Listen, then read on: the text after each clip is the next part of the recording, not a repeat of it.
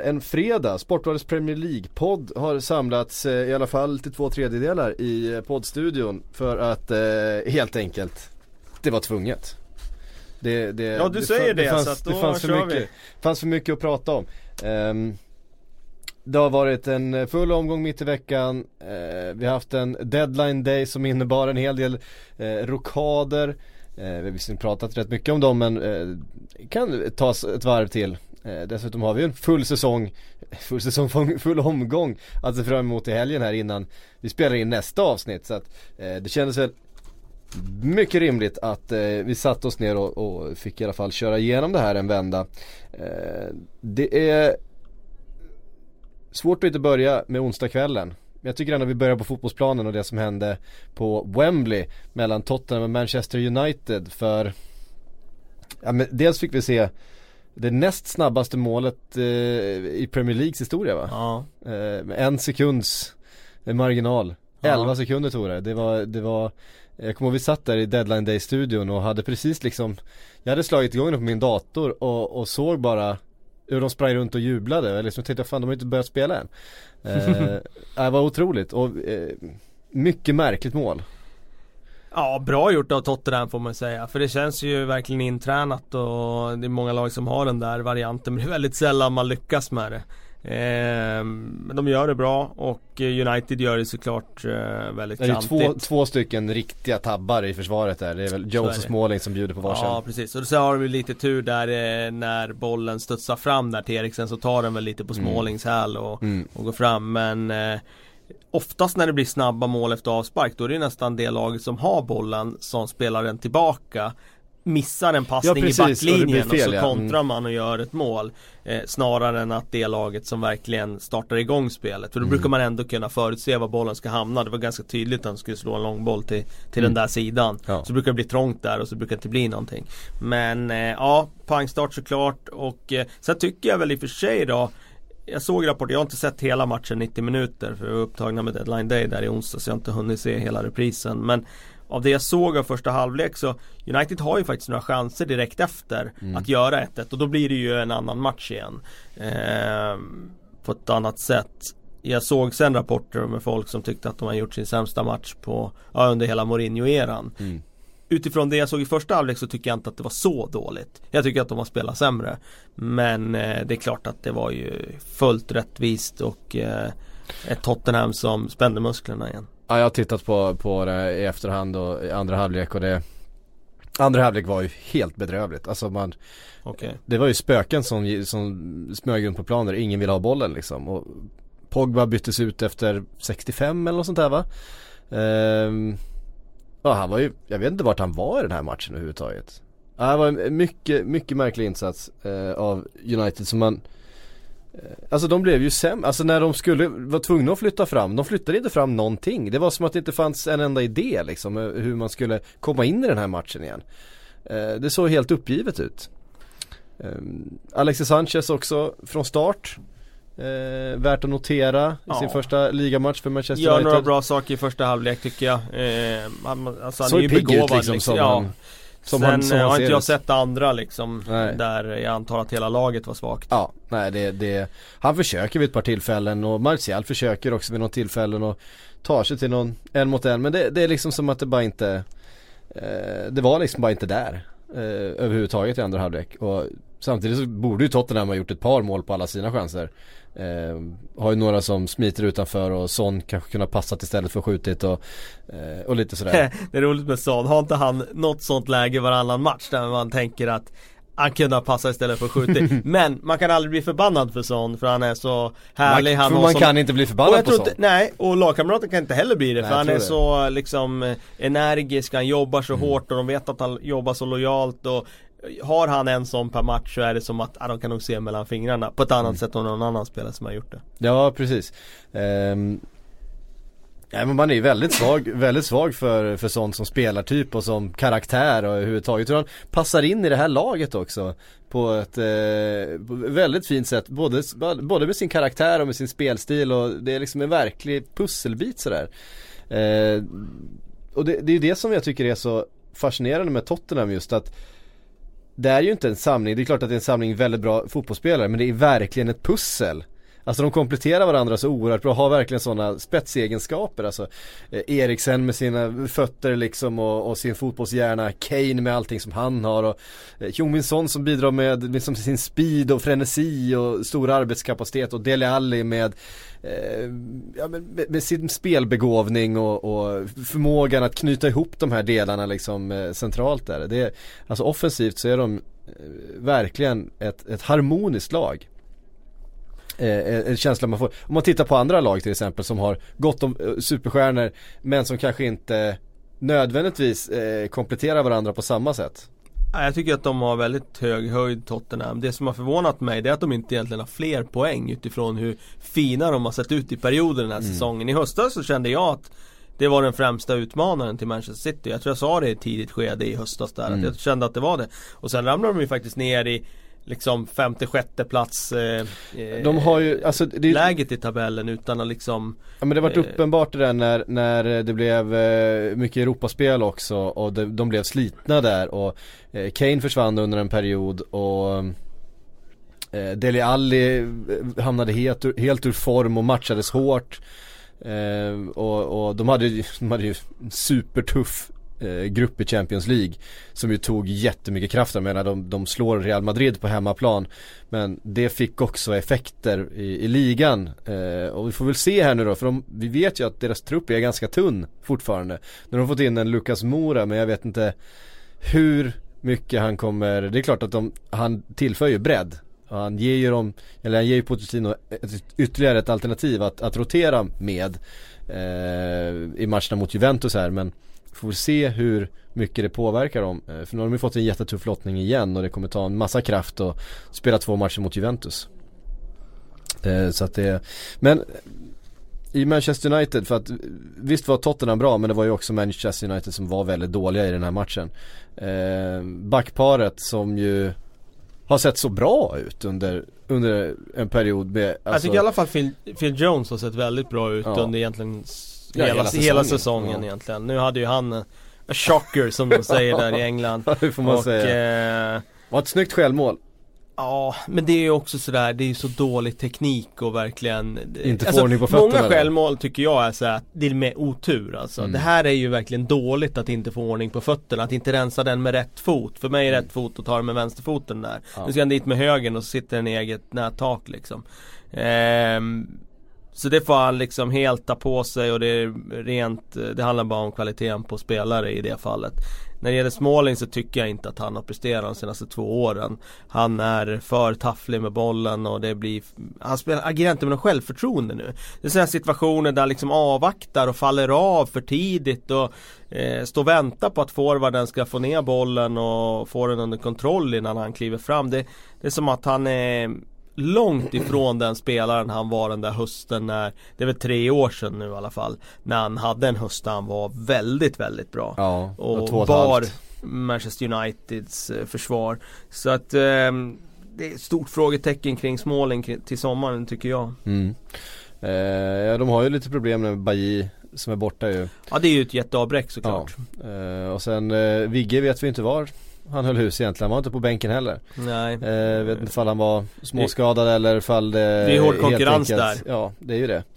Eh, eh, Helt var petad, men vi får se det. Öppnar väl för att Vigge får, eh, får en ny chans nu då för att Jag har svårt att se honom starta med det här backparet i, till helgen mm. Om jag ska vara riktigt ärlig.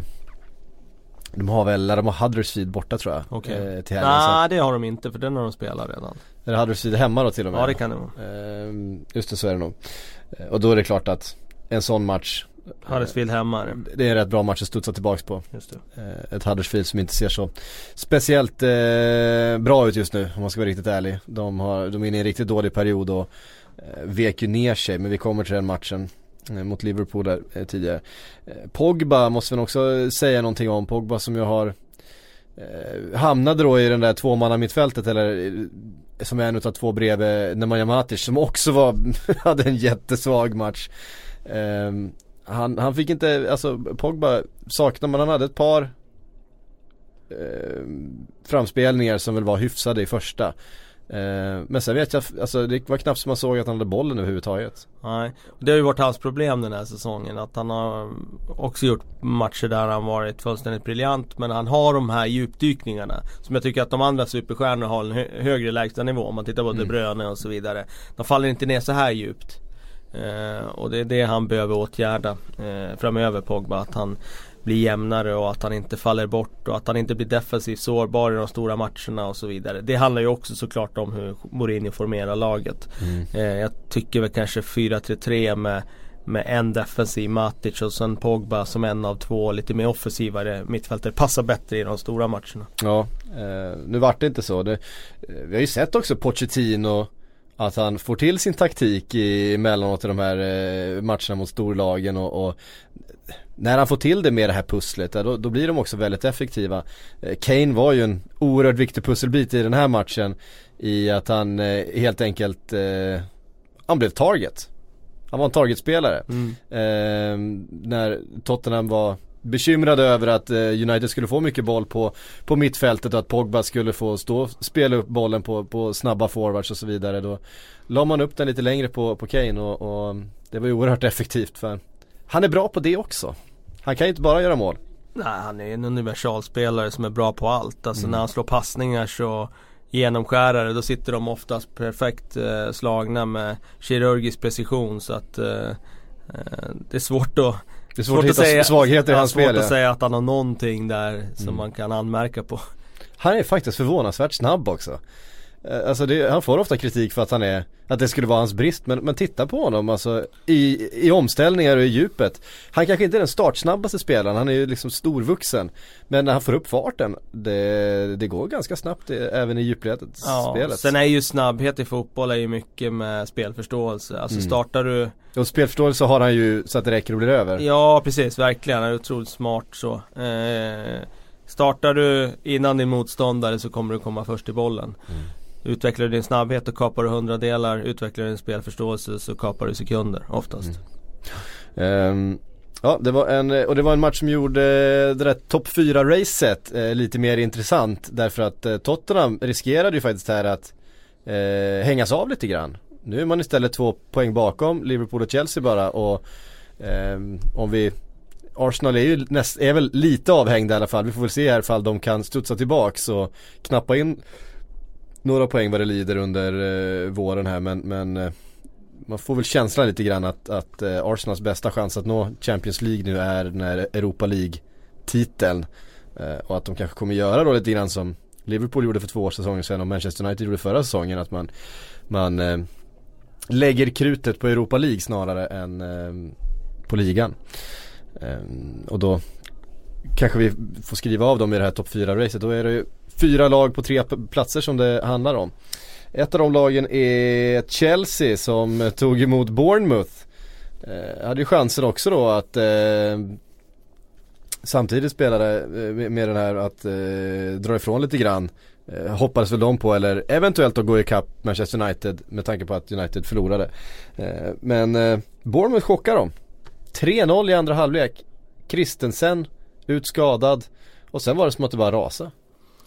Ja, eh, jag har inte sett den här matchen eh, Nej jag har sett, sett höjdpunkter, jag har sett höjdpunkterna. Den visades ja. inte eh, heller men sen så eh, Men det här var ju såklart en jättesmäll och eh, om man ska säga någonting om Chelsea den här säsongen så är det ju att de har haft en förmåga, eller Conte har haft en förmåga att liksom bara gjuta mod i dem igen. Mm. Och jag blir imponerad om man lyckas igen för att eh, det här är ju den där typen av stjärnsmäll hemma mot eh, ett lag på under halvan som vi knappt har sett den här säsongen. Så att eh, det blir väldigt intressant att se hur de hanterar den här motgången. Mm. Måste också lyfta på hatten för Bournemouth som ja. haft en tung höst. Eh, inte har värvat någonting nu i januari på det sätt som de andra bottenkollegorna har gjort men har ju uppenbarligen höjt sig sedan starten av säsongen. Mm. Och Callum Wilson eh, får ja. vi också säga. Två knäskador, varit borta i till och från under två års tid. Kommer tillbaka och börjar göra mål igen och nu snackas det om VM-biljett för hans mm. del.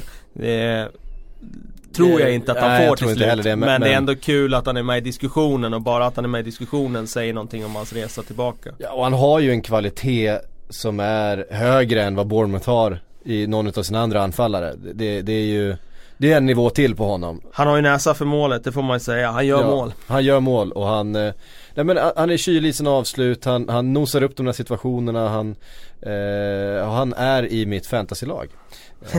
Bara en sån sak. Det är en bra fantasyspelare just nu att ha. Jag kan ja, tänka mig att han inte kostar så mycket. Han har säkert höjt sitt värde lite grann men mm. jag kan tänka mig att han är ganska prisvärd. Ja, han kommer nog fortsätta göra mål under våren här, tror jag också. Det är, jag kanske går på en sån här Joshua King eh, vår här som eh, sprattlade till förra året i Bournemouth och gjorde vadå typ 12 mål eller någonting på, på våren bara. Ja det, det kan, kan stämma. Jag tror han har gjort, vad har han gjort? Han har gjort åtta mål på 13 senaste matcherna eller sånt där. Callum Wilson. Mm. Och det är ändå bra. Det är väldigt bra. Något sånt. Något sånt. Eh, Leicester Everton spelade dessutom, där blev mycket fokus på en spelare som inte var med. Ja. Det, det, kan ju bli sådär ibland. En Riyad Mahrez som eh, gjorde allt, verkligen allt som stod i hans makt för att eh, få flytta till Manchester City då under eh, deadline day. Stoppades. Vilket jag kan tycka är lite märkligt ändå med tanke på det kom ett jättebud, Leicester har varken chans att ta sig till något Europaspel eller, och de kommer absolut inte åka ur ligan heller. De hade inte så mycket, de har inte så mycket kvar av den här säsongen att hämta, det är väl ett fa kuppspel jag är inte riktigt säker på hur det har gått där. Eh, men jag menar, något mer är det ju inte så att ta budet, slipp problemet för att nu har ju Mares verkligen blivit ett problem för dem. Nu dök han inte upp på träningen igår. Eh, och enligt rapporter så är även övriga laget rätt trötta på honom och rätt trötta på den här situationen och ja, det, det kanske hade varit bättre att, att, låta honom gå här men hur mycket tror du det påverkar? Ja, visserligen har de en FA Cup-titel att spela för men jag tycker mm. om man tittar på tabellen så var det någon klubb i den här Premier League-tabellen som kunde ha råd att sälja sin stjärna mm. utifrån hur tabellpositionen ser ut. De kan mm. varken gå uppåt eller neråt. Så är det ju faktiskt Leicester. Mm. Och de står ju inför situationen att de ändå måste sälja honom i sommar. För att annars kommer ju hon, eller Maris själv att slå bakut tror jag för att han mm. har liksom blivit stoppad i transferfönster efter transferfönster. Så jag, jag är förvånad precis som du säger att de inte cashade in nu. Sen vet vi ju inte med säkerhet vad budet låg på. Nej. De kanske var långt under deras värdering. Mm. Eh, och de känner nog siffrorna, samtidigt siffrorna sådär. Som, har, som, har, som ändå skrivits om de brukar inte vara så eh, långt ifrån sanningen. Nej, det kan ju vara I dagens marknad kan det vara ett par hundra miljoner eller 300 ja, miljoner ifrån. Men säg så här då, när vi snackade innan Mares ryktet ens kom upp så mm. sa ju vi att 500-600 miljoner, där det ja. kommer han ju definitivt att kosta. Sen var det siffror som var ännu högre som nämndes. Jag tror Leicester såg sin chans att kräma ut hur mycket som helst nu mm. efter van Dijk eh, affären. Och så mm. säger de att ja men han blev ju vald till ligans bästa spelare här bara för två år sedan. Ja. Och eh, är offensiv spelare dessutom. Då ska han ju ha minst lika mycket. Ja. Och där tror jag det hela spricker. Eh, jättedelikat uppgift nu för Claude Poel. Alltså mm. att eh, hantera den här eh, Mares-situationen. För att eh, oftast är det ju så när fönstret slår igen, ja men då får spelaren liksom okej okay, nu får jag inte flytta, nu får jag bita ihop här och köra. Och de flesta klarar ju ändå av det mm. och komma tillbaka. Men det här, jag menar han missar träningen dagen efter fönstret har slagit igen mm. också. Ja. Och det är klart att, eh, och lagkamraterna är sura. Som jag sa tidigare i något sammanhang, jag minns inte vad förra podden var, att när han väl börjar leverera på plan igen då skiter lagkamraterna i det här. Då, mm. då blickar man framåt och lämnar det som har varit bakom sig. Men jag kan tänka mig att han eh, Hans huvud är inte på plats just nu i alla fall. Och det, det är jättetråkigt att det drabbar Leicester i det här fallet. Mm. Och eh, jag tror också han känner Alltså han kan också agera lite för att han vet också att Leicester varken kommer gå upp eller, eller, eller åka ur. Så han är så här, han känner nog inte att han sänker laget om det är så att han strejkar under en period och gör sig jävligt svår. Eh, och det är inte så att Leicester är, inte är ett fotbollslag utan honom. De har andra duktiga spelare eh, som, kan, som kan vinna fotbollsmatcher. Det är liksom ingen, det är ingen enmansshow ändå Leicester trots allt, trots att Mares är väldigt, väldigt bra. Eh, sen så vart man ju lite sugen på att se Mares i en sån miljö som Manchester City. Alltså man kan ju tycka vad man vill om Manchester City att de får en en skada på Sané som är borta i 4-6 veckor och att de försöker kasta en miljard i huvudet på Leicester och bara ska plocka deras bästa spelare och hela, hela, hela Manchester City och den här situationen och de där ägarna och så vidare. Den, den, den är ju som den är va men om man bara ska titta på det fotbollsmässiga som man ändå kan, får tillåta sig att bli skärmad av så hade det varit intressant att se en Mares med en nytändning i den där miljön och se honom verkligen få spela ut hela sin potential. Um, ja, man kan ju förstå honom själv också. Han är inte jätteung. Får chansen att gå till eh, Manchester City. Mm. Jobba under Pep Guardiola. Det är klart att han också ser hur Pep Guardiola har utvecklat andra yttrar mm. som Sané, som Sterling och så vidare. Mm. Det är klart att det här är en drömflytt. Det är klart man förstår honom också. Mm. Eh, det är tråkigt att det blir så men eh, jag hoppas att han får huvudet på plats nu under våren så att han kan få en flytt till sommaren som är gynnsam för hans karriär. Ja, nej det måste ju bli så. Sen är frågan bara vem, vart, vart han ska men med tanke på högsta nivån hos den spelaren eh, och en, vilken manager som helst med lite självförtroende i sin egen förmåga att plocka ut det bästa ur, eh, ur en spelare så är det klart att det måste finnas många utav de största klubbarna i världen som kommer vara där och, och hugga. Eh, så är det ju. Um, också från Leicester Everton fick vi en tvåmålsskytt. Theo ja, Walcott. inte vem som helst eller? Nej, Theo Walcott visar att eh, han gör poäng och ja. han gör mål. Ja. Jag går igenom här och tittar tillbaka här på, på hans statistik då. Han hade ju mm. väldigt eh, eh, mellansäsongaktig i fjol där då med mm. fyra mål på 15 matcher. Eh, men om du går tillbaka till säsongen 2016-17, jag hade glömt det men han gjorde alltså 19 mål i alla turneringar då på 37 matcher. Ja. Och då spelar han inte striker utan oftast ytter. Ja. Det är väldigt bra siffror. Alltså ja, han har en förmåga att göra mål. Mm. Och det är den han visar nu. Och jag, om man tittar på Everton som lag, vad deras problem i höstas där, framförallt under Ronald Koeman, men även det som Sam Allardyce såklart har, har, eller, eh, har brottats med nu liksom. Det Flexibility is great. That's why there's yoga. Flexibility for your insurance coverage is great too. That's why there's United Healthcare Insurance Plans. Underwritten by Golden Rule Insurance Company, United Healthcare Insurance Plans offer flexible, budget friendly coverage for medical, vision, dental, and more. One of these plans may be right for you if you're, say, between jobs, coming off your parents' plan, turning a side hustle into a full hustle, or even missed open enrollment. Want more flexibility? Find out more about United Healthcare Insurance Plans at uh1.com. Är det där. Du har Sigurdsson, du har Rooney, klassen någonstans på bänken mm. i periferin. Men det är liksom för många spelare som ska ha bollen som inte löper. Du måste ju ha de som löper. Och där tror jag just att Walcott blir så otroligt viktig för att han har fart. Eh, Everton har saknat den typen mm. av fart egentligen sen de hade de här flygande kanterna med, med Coleman och PNR mm. och Kevin Mirallas på den tiden han var bra och så vidare. Han gick ju nu dessutom på ja, lån ut det var, ett tag, det var ett tag sedan han, han var bra faktiskt. Ja, det, alltså han har ju varit överskattad rätt länge, ja. Mirallas. Eh, men just nu att få in den typen av spelare som verkligen är fart. Mm. Och om du tänker på hela Goodison så är ju det liksom de behöver den typen av fartspelare ja. för att leva upp på den arenan. Mm. Och har de det och, och, och, sådär då, då tror jag att det kan göra så jättestor skillnad för deras del. Ja, jag tror också det. In, intressant statistik. Eh, Theo Walcott har alltså eh, gjort eller assisterat till 11% utav Evertons mål den här säsongen. det, är, det är bra gjort på två matcher. Verkligen.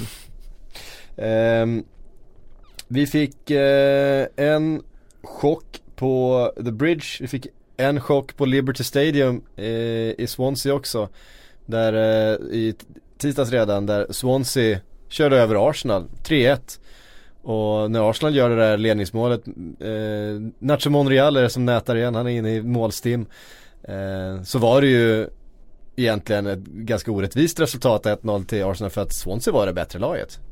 Eh, och det är ett Arsenal som man trodde hade hittat tillbaks till någon slags form efter att ha eh, trevat en tid men nu såg det sådär ut igen.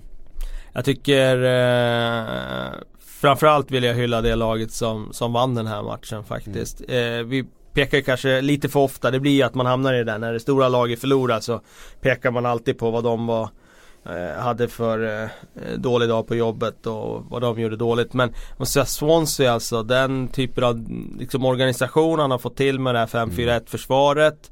Eh, konsekvensen i det de gör, omställningarna och Jordan Ayew, alltså jäkla vilken match han gör. Mm. Och vad han har levt upp nu. Och nu får han brorsan in här nu dessutom. André blev ju kvar här på, ja, på deadline day. Det känns jätte, När de återförenade. Eh, och eh, det har blivit ett jättelyft för Swansea med Carlos Carvajal som har mm. kommit in här och och lyft humöret, lyft eh, dem organisatoriskt och fått till ett spel som uppenbarligen räcker till poäng. Ja, eh, det var ju den här liknande effekt som eh, Clement fick eh, ja. för, förra säsongen. Eh, och... Den här säsongen någonstans blir ju någon slags eh, så här, eh, bevis för att tränarbyten är liksom Det är vägen fram i Premier ja, League på den här nivån, att få den där effekten snabbt. Det, det sjuka är att den enda som inte har fått det, det är ju han som har gjort det till sitt signum att, att alltid få det i, i Pardew. Pardew-effekten har vi pratat om i flera klubbar liksom, han har kommit in ja. och det har liksom Han är den enda som inte har lyckats med det i West Bromwich som nu ligger sist. Ja, de ligger sist. Samtidigt handlar det om att de andra har lyft sig snarare ja. än att de har gått sämre. Alltså jag tror att de har högre poäng, poängsnitt nu West Bromwich än vad de hade under sin förra tränare. Så det har blivit lyft för dem också, bara det att det inte lyfts lika mycket liksom. Mm. Eh, jag tror i West Bromwich fall nu, de får in Starridge, mm. jättebra tillskott för deras del. Det, de kan också lyfta sig så att de tar sig över strecket. Det blir ett så enormt getingbo och jag menar visst, ligan är avgjord där uppe i toppen. City har vunnit den, det vet vi. Men jäklar vilken häftig tabell det är den här säsongen när det handlar om plats egentligen 12 eller 8 och neråt. Ja, 9 och neråt. 9 och neråt. Ja. Det är Leicester och eventuellt Everton då som kommer befinna sig i en egen liten liga där. I eh, mitten ja. I mitten eh, under topplagen och inte inblandade i den här bottenstriden. Men sen är det ju halva tabellen. Som eh, kommer känna det där strecket flåsa i nacken. Eh, och det är ju förstås intressant. Vi måste säga någonting om Peter Käck. Vad gör han på, på vad är det, det är 2-1 målet va? Eh... Ja, alltså det är klart att det är en jättetavla eh, givetvis. Samtidigt, återigen det där Allting blir ju en följd av saker i fotboll. De ska inte kasta det där inkastet på det sättet Nej, de gör det. Så varför gör de det? det varför kastar jätte... de det bakåt till en försvarare som bara har ett alternativ och sätter den hem mot målvakt som blir satt under press? Alltså, ja visst, 99 av 100 så löser målvakten det genom att skicka iväg bollen. Men det är så dumt beslut att kasta bollen på det sättet som, jag tror det är Monreal som kastar inkastet. Mm. Och redan där sätter de sig i problem. Så att eh, det är flera beslut som är för dåliga. Mm. Eh, och Swansea, dubbla segrar nu då. Först eh, Liverpool och sen eh, Arsenal. Det är det är inga dåliga skalper. Alltså, för, för, för liga jumbon som vi har dömt ut liksom. Swansea-fansen är ju lyriska nu över Carvajal mm. och, och uh, säger liksom att räddar han kontraktet på det här då är det manager of the year. Jag tror att Pep Guardiola kommer att få den Men, men uh, det är ändå kul med själva liksom tanken bakom det för att det var ett hopplöst läge när han kom. Och sen har han ju blivit lite av en eh, en favorit nu bland folk när han bjuder på så mycket på presskonferenserna mm. i sitt surr här. Nu hade han ju en ny här när han, när han hade fått frågan om, om Riyad Mahrez här mm eh, Liksom inför helgens match Den har jag inte hört Nej, då hade han fått frågan om eh, vad, om man tror att han spelar Och då, då hade han bara svarat med en ny liksom så här, metafor liksom att nej men eh, jag Jag hälsar på mina grannar, eller jag hälsar så här jag, jag tar hand om min egen familj eh, och mina hundar. Eh, jag hälsar på mina grannar och liksom mm. eh, så men eh, jag har ingenting att göra med vad de gör liksom. Nej, okej. Okay. ja. ja, ja. Eh, men det är skönt, han har ju Alltså det är ju inte en, det är ju inte, han är ju portugis va, men han har ju, han har ju flera år i, i England ja. bakom sig i, i Championship där och eh, han kan ju, han kan ju det här tugget, han kan ju den här den här kulturen. Ja. Eh, det är ju uppenbart. Han hade ju en väldigt bra metafor där också med när han slog Liverpool där. Mm. Om, om Formel 1 bilen som precis. inte är en Formel 1 bil i, I högtrafikerad, i, trafi, eh, ja, precis. liksom i rusningstrafiken. Ja, precis, och jag tror att den satte honom lite på kartan och nu när mm. han fortsätter med de här metaforerna så, så han har blivit liksom någon slags Ian Holloway fast eh, inte är, den här är skämtfiguren Ian Holloway utan mer att han Nej. liksom han bjuder på sig själv. Holloway var ju nästan en karikatyr av sig själv. Det var han. Uh, Samtidigt gillar ju jag karikatyren Ian Holloway. Jag älskar han ju honom. Han var ju medveten om ja, det. Alltså ja, det var ja. ju inte så att någon Sen var han ju genuint rolig, ja, Ian Holloway. Det var ju inte så att någon skrattade på hans bekostnad. Han var ju fullt medveten om vad det var han sa. Han ja. var ju fullt medveten om vilken roll han spelade. Sen som sagt, som du säger, så var han ju genuint rolig. Jag menar, att sitta och googla Ian uh, Holloway, liksom citat, det är ju ja. Det är inte, ja, det, de, går, de går knappt att upprepa här för att de är inte helt Nej. rumsrena Nej, men... men... de är, vissa är geniala i alla fall Ja, jag, jag och Blackpool har det gemensamt att vi, vi klär oss bättre i mörkret. Just det. Ja, det är mycket sånt. Um, Arsenal som nu känns faktiskt, som vi var inne på för en liten stund där, avhängda i den här eh, topp 4-jakten. Det känns som att det är, det är åtta poäng upp nu. Och det är så pass många, alltså man har ju svårt att se något av, av de här lagen tappa åtta poäng mer än vad Arsenal gör resten av säsongen. Ja, eh, du svarar på frågan själv så jag mm. håller med dig. Eh, jag tror att det blir tufft för dem. Eh, jag är säker på att det blir tufft för dem. Jag har känt det ända sedan de började dippa efter den där segern mot Tottenham så har jag känt att det blir tufft för dem. Vi vet att Arsen har ett år till kvar på kontraktet men mm. missar han topp 4 i år igen, igen då, då, kan han knappast sitta kvar va? Nej, eh, om det jag har ju trott om det blir en Europa League-seger möjligtvis då. Ja just det. Den ja. utvägen finns ju fortfarande. Ja. Men då ska de förbi Östersund. Ja exakt. Det är inte, vi tittar ut här och ser att det snöar för fullt utanför fönstret och då vet vi hur det är 100 mil upp i landet. Nej inte riktigt 100, vad är det? 70 mil. Ja, något, eh, sånt. något sånt där. Eh, Huddersfield tog emot Liverpool. Det där kompismötet som det alltid skrivs så mycket om som både Wagner och eh, Klopp hatar att prata om. Vad var det han sa? Jag förstår inte vad som är så speciellt med att två gamla män är vänner med varandra. eh, men Huddersfield eh, vek ju ner sig lite grann i den här matchen. Får man faktiskt säga. Det liknade matchen på Anfield. Verkligen alltså. Jag, måste, jag är ju besviken på Huddersfield. Jag har sagt mm. det tidigare i den här podden. Över vad de har gjort i Premier League. Sen de där tre första matcherna där. Mm. Eh, jag hade förväntat mig mycket mer av dem. Och det, visst det blir lite av en sådär kanske naiv bild av dem. För de spelar på ett sätt i Championship och de kom upp och de var frejdiga och de eh, liksom mm pressade högt och sprang och så vidare. Men de har ju verkligen skruvat ner sin ambitionsnivå när de gått mm. i Premier League. Jag, jag, säger inte att det är fel. Eh, jag är bara, jag hade hoppats på mer. Mm. Eh, för nu, jag menar när de presterar som de gjorde senast mot Liverpool. Det är ju som att verkligen skjuta sig själv i foten, och ge upp och Alltså det var ju ett helt, eh, det var ett slaget lag liksom mm. från 1-0 och framåt. Ja. Eh, och när de inte har någon annan liksom, något tillstymmelse till hot efter det att eh, Liverpool gör första målet. Det dröjde ju liksom till sent i den matchen, då stod det ju redan liksom 2-0 och 3-0 ja, och sådär. Och, och då, då, var det över. Då var det liksom. för sent. Ja. Så nej, jag, jag är besviken. Jag tycker att de har blivit lite för defensiva. Samtidigt så, det är inte Liverpool de ska slå utan de ska vinna hängmatcherna mot mm. lagen där nere. Och det kanske de gör och de kanske klarar sig kvar.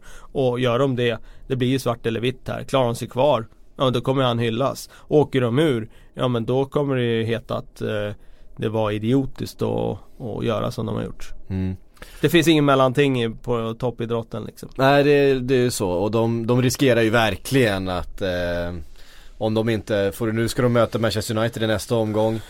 Eh, vi vet att lagen runt omkring dem har fart just nu. Vi har ett Swansea som uppenbarligen eh, hittat tillbaks till, till någon slags form. Ja. West Bromwich var vi inne på, har fått in Daniel Sturridge. Eh, West Ham ligger där nere har eh, West liksom... Ham har också eh, ett, ett helt annat spel än vad de hade. Och så 15 är för bra för att ligga där. Ja. Så att, äh, jag tycker det ser eh, lite skrynkligt ut för ja, Huddersfield just nu. Eh, de och Newcastle eh, som vi kan nämna också då som fick bara med sig en poäng till slut då mot mot Burnley. Och um, ja, det, de hade ju behövt, nu fick de in eh, Islam Slimani på lån här till slut på deadline, deadline day och det är klart att han kommer ju gå rakt in och han, han kan ju göra mål, vi vet ju alltså det var ju en en eh, stjärnvärvning verkligen utav Leicester. Det var ju det här, verkligen. det var ju det namnet de kunde ta in eh, Eh, på sitt liksom nyfunna rykte då som ligamästare. Då var det liksom Slimani de kunde eh, betala stora pengar för och hämta in från den portugisiska ligan och sådär men han har ju inte varit lyckosam i, i Leicester och, och det har ju inte funkat där. Eh, frågan är ifall Benitez kan få fart på hans målproduktion. Vad tror du? Nej, alltså jag vet inte. Det är jättesvårt att säga. Jag tror så här, han får en väldigt viktig roll nu. Mm. Och i ett lag som har skrikit efter en striker och en liksom referensspelare där uppe. Så jag tror att det finns alla möjligheter för honom att göra matchavgörande insatser nu. Eh, han borde vara extremt revanschsugen och liksom eh, benägen att visa nu. Samtidigt är inte servicen kanske den bästa i Newcastle heller. Så att eh, Ja, vi får se. Men jag, jag, jag, tror att förutsättningarna finns för att eh, gå dit och göra några mål i alla fall. Jag tycker, jag, sig, jag, jag, tycker i och för sig att det finns potential till ett antal spelare som skulle kunna leverera lite bollar. Det finns en eh, Matt Ritchie och det finns en John Joe Shelby och det finns, det finns ändå spelare som, som i alla fall i perioder av sina karriärer befunnit sig på en sån nivå så att de skulle kunna leverera lite bollar till honom men eh, det är Newcastle ett, ett, lag som också hänger rätt mycket med huvudet och det är så mycket negativitet runt, runt klubben och runt ägaren och supportrarna och på läktaren där. Alltså det, det där smittar ju av sig. Det, Absolut. Eh, Men det var ju en helt fundamental värvning att få in nu för hade de inte ja, fått in den då hade jag nästan hade skrivit alltså, alltså, nedflyttning rakt av för att ja. eh, så pass tunna tycker jag de ser ut där framme. Mm. Eh, och vi vet ju också att, att sprickan mellan Benitez och ägaren Mike Ashley att den finns där. Och ingen tror väl att Benitez är kvar där efter sommaren. Eh, I alla fall inte om det, om det inte blir helt annat ljud i skällan från, eh, från styrelserummet eller kanske till och med andra ägare. Eh, vi får se. Vi har fått en massa frågor förstås. Eh, en del eh, rör eh, nykomlingar, eller nykomlingar, nyförvärv. Eh, men relativt allt möjligt. Krille försökte ställa en fråga förra eh, veckan som jag missförstod lite grann. Det var eh, autokorrekt som hade stökat till det. Så han fick ställa den igen.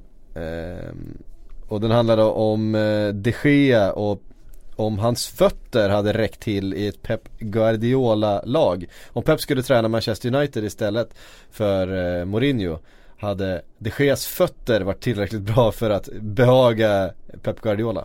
Eh, ja, de hade varit tillräckligt bra. Eh, de är inte riktigt lika bra som Edersons. Jag tycker de Gea har gjort misstag med fötterna. Han gjorde ju mot Tottenham nu igen. Så kanske inte kostar baklängesmål och då brukar man glömma bort dem efter någon vecka liksom. Jag tycker han har gjort sådana den här säsongen fler än vad han brukar göra. Men det har inte kostat några mål och då brukar man komma undan med det. Men eh, han har tillräckligt bra fötter för att Guardiola skulle vara eh, tillräckligt liksom, nöjd med fötterna för att kunna använda honom som quarterback. Mm. Um, det var Krille som hade ställt den frågan, det eh, kanske jag inte sa. Eh, Andreas Eriksson undrar, vilka tre lag tar sig från Championship till Premier League?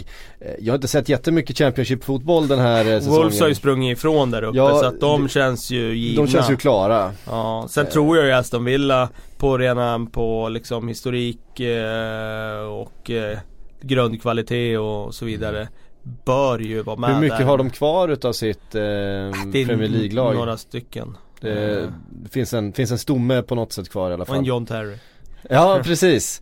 Eh, som ju till slut, eh, började ju rätt så svajigt kan man säga i, i Aston Villa. Men det hade varit lite kul och, om han kunde få gå upp med det här laget och göra en säsong till i Premier League. Sen Derby har jag inte sett superkoll på. Jag, som sagt, nu för tiden så kollar jag inte mycket Championship alls. Det gjorde jag för några år sedan.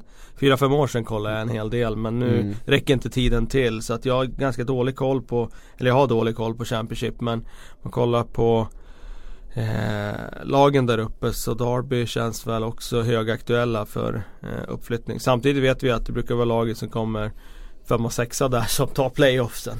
Ja det är rätt så vanligt. Vi såg Huddersfield till exempel förra säsongen. De mm. slutade väl sexa och, och gick hela vägen där.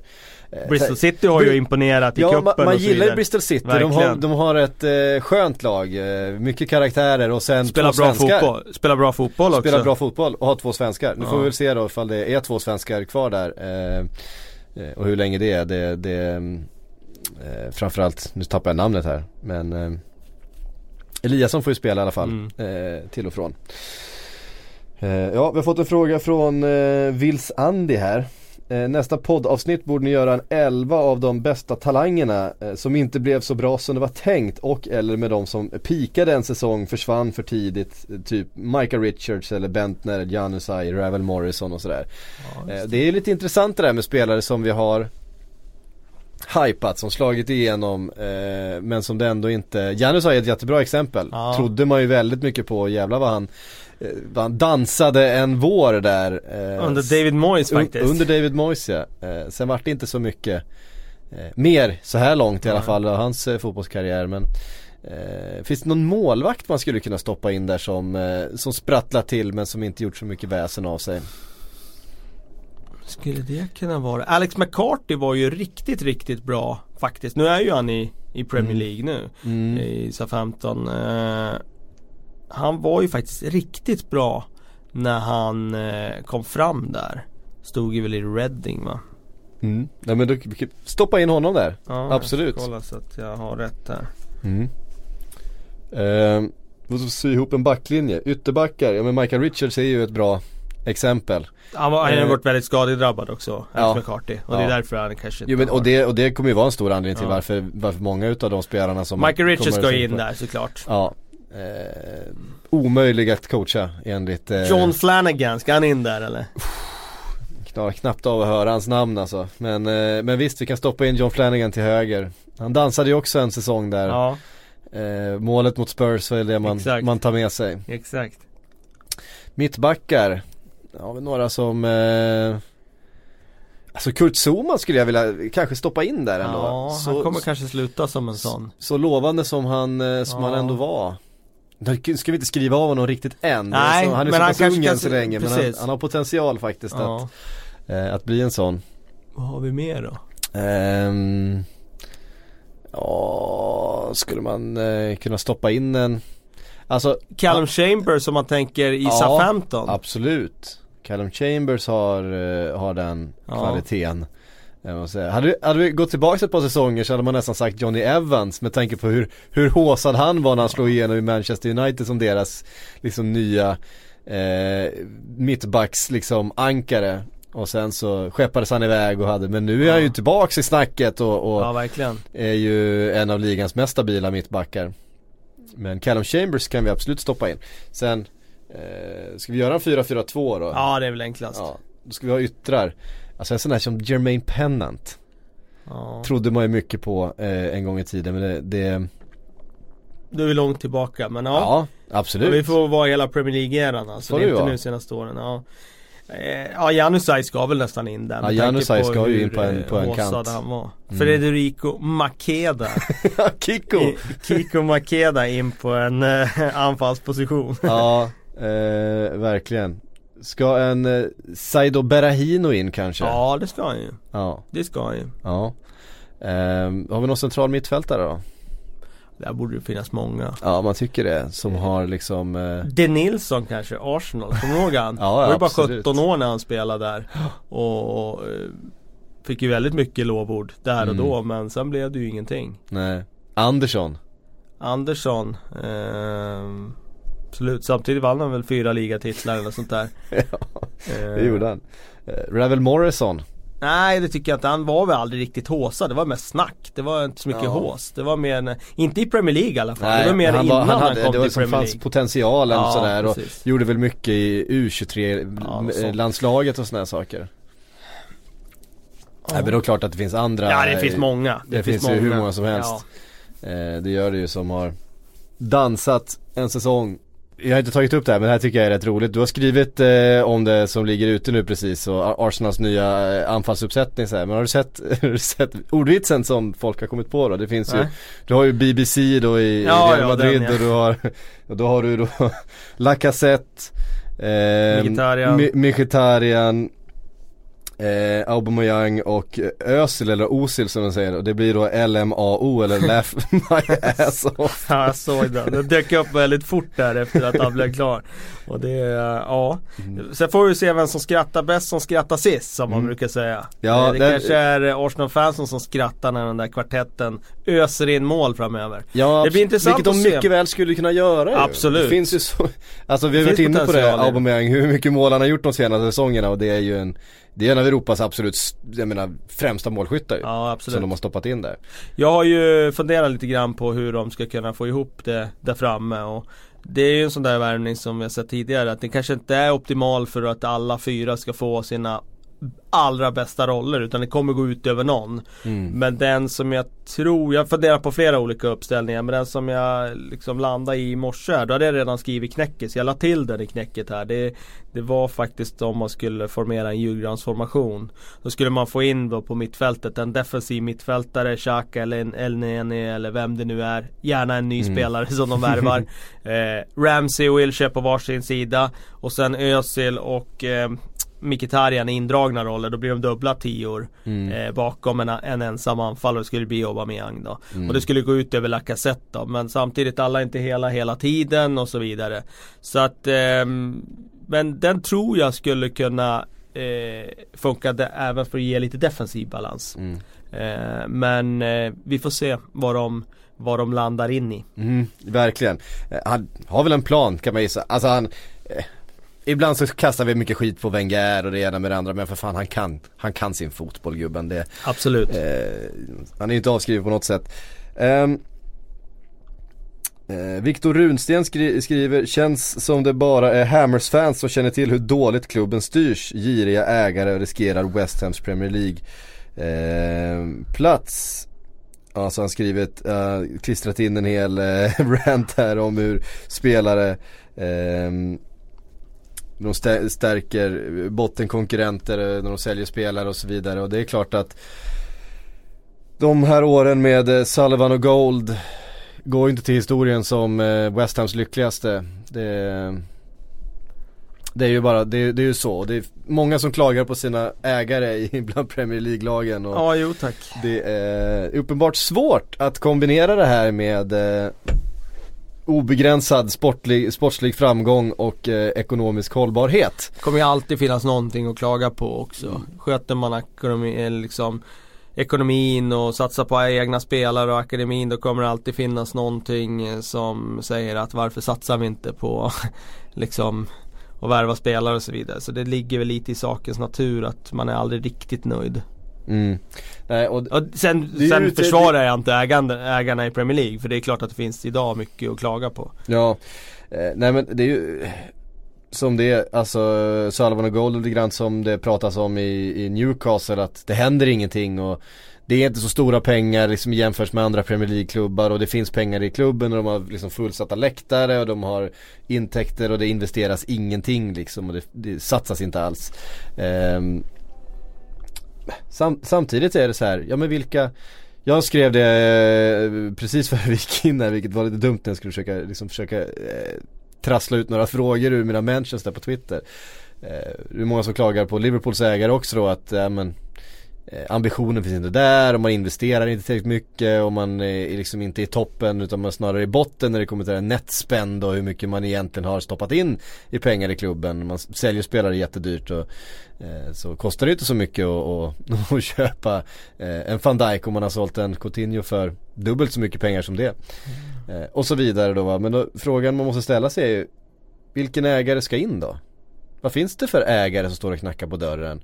Som är intresserade av att stoppa in de här pengarna och göra den här satsningen istället. Ja då kanske det är ägare som har andra problem som man har svårt att associera sin fotbollsklubb till. Vad är det för typ av eh, pengar? Ta en Amanda Stivler till exempel som var uppe och då kanske la ett bud på Newcastle huruvida, ja det är lite oklart vad som hände där uppe egentligen. vilka företräder hon egentligen? Mm. Ja, där, vill man att ens fotbollsklubb som man associerar sig själv så väldigt mycket med ska associeras till den typen av ägare. Vad, vad är det man får istället? Det är, det är komplext.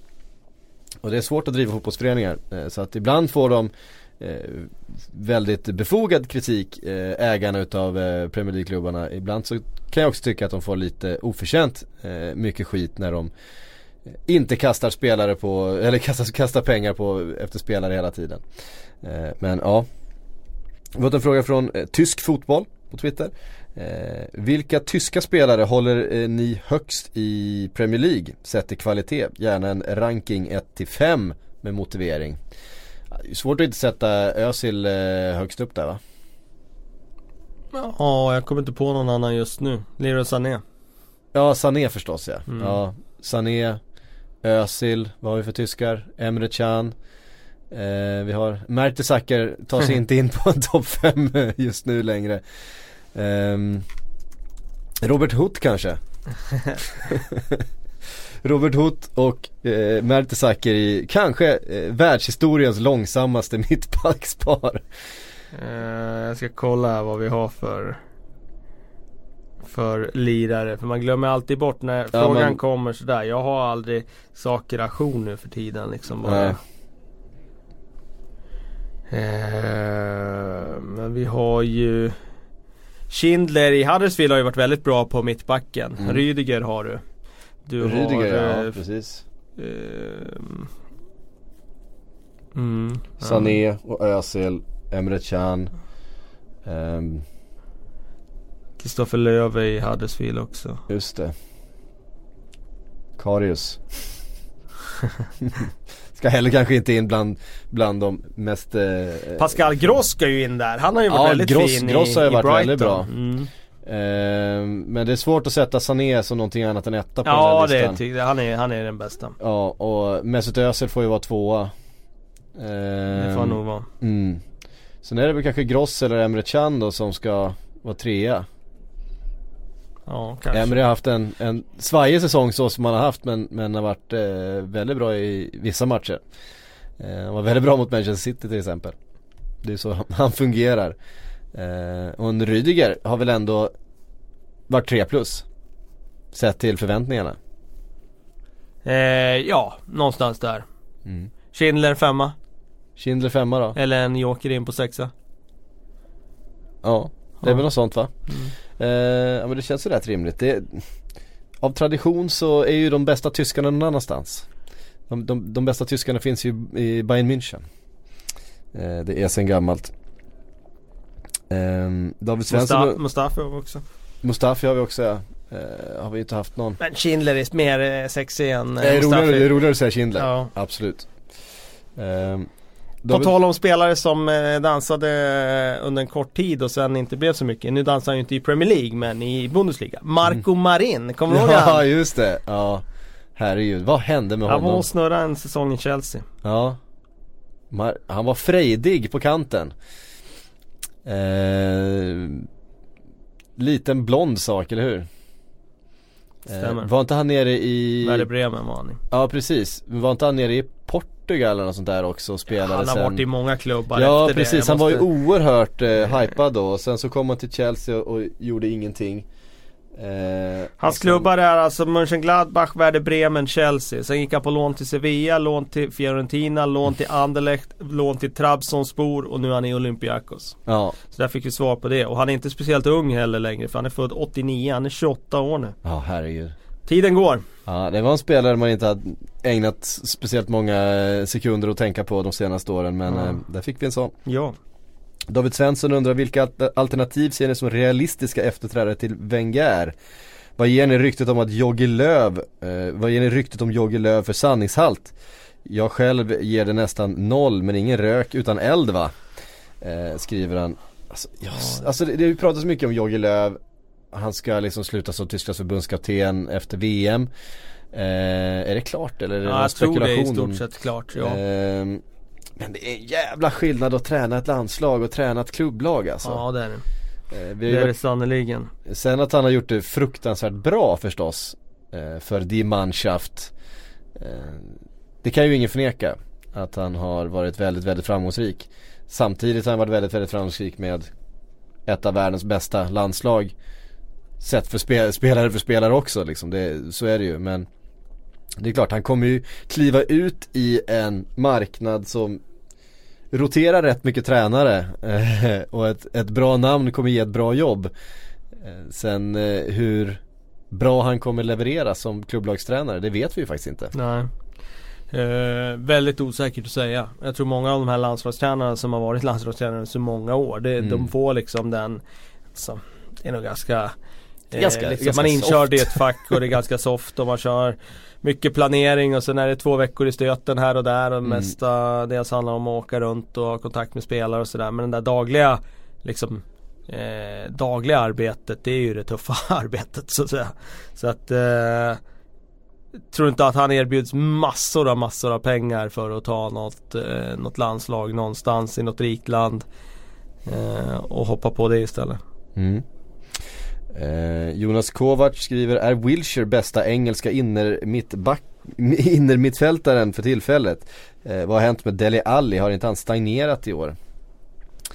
Eh, Dele Alli har inte sin bästa säsong, så är det ju. Eh, och det har vi ju konstaterat vid ett flertal tillfällen. Sen tycker jag att Dele Alli har sett bättre ut nu eh, efter jul.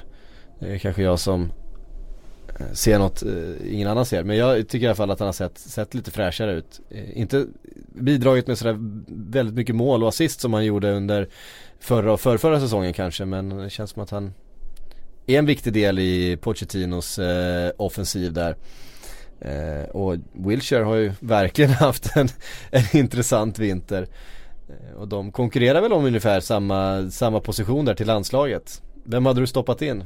Om du skulle ta ut ett, en, ett engelskt landslag just nu, Wilshire eller Dele Alli?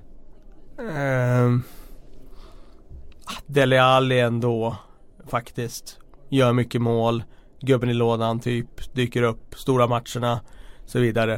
Eh, så det hade jag nog gjort. Men jag hade nog fått in båda i en trupp. Mm. Hur skulle du ställa upp det där om vi skulle ställa upp oh. ett, ett innermittfält för England just oh. nu? Ett, ja, det där är, tre tre stycken innermittfältare. Jag skulle säga att det är huvudvärk bara. Ja. ja eh, det är inte alls lätt att, att få till det där. Nej.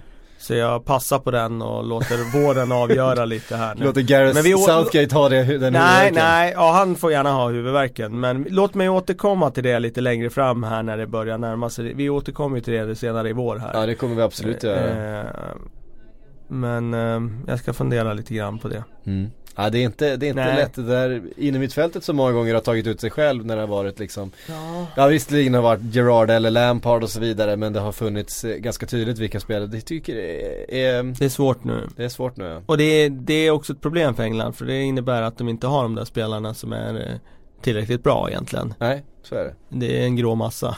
Ja, Just i den lagdelen där. Ja precis, alltså ska liksom en, en Henderson in, ska en Drinkwater in, ska ja, en nej, Lalana in där, ska Nej det är inte tillräckligt bra. Nej det är, alltså, inte, tillräckligt, det, är inte, det är inte tillräckligt bra. Nej, nej det, det, det um, vad har vi mer? Ja men det är så många där. Uh, Erik Dyer, ska han in och, och John Shelby. Ska John Shelby in och spela där? Nej det tror jag i och för sig ja, inte Jack att han ska... Cork. Jack Cork skulle jag, jag vilja sätta där Jag har fått in två av dina favoriter ja, här. Ja absolut. Vi stoppar in Steve Sidwell också så är Och Lee Cattermole så, så är vi, då är vi klara. Ja det, det, det jag. På tal om kvartetter här, Arsenal har ju fått sin superkvartett men nu har vi nämnt din superkvartett. Det är Shelby, Cattermole, eh, det är eh... Steve Sidwell och Jack Cork. Ja, de fyra. Vilket jävla mittfält alltså, ja. fan. Tänk dig dem i en diamant.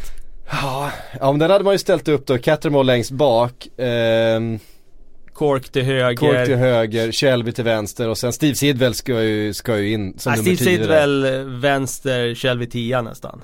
Ska du göra det? Ja, jag tror det. Ja, han, han, hade ändå, han hade nian i Chelsea en gång i tiden, Steve ja. Sidwell.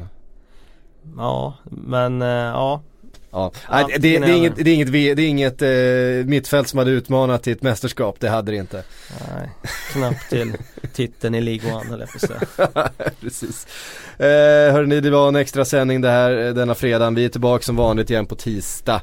Eh, Ha en trevlig helg så hörs vi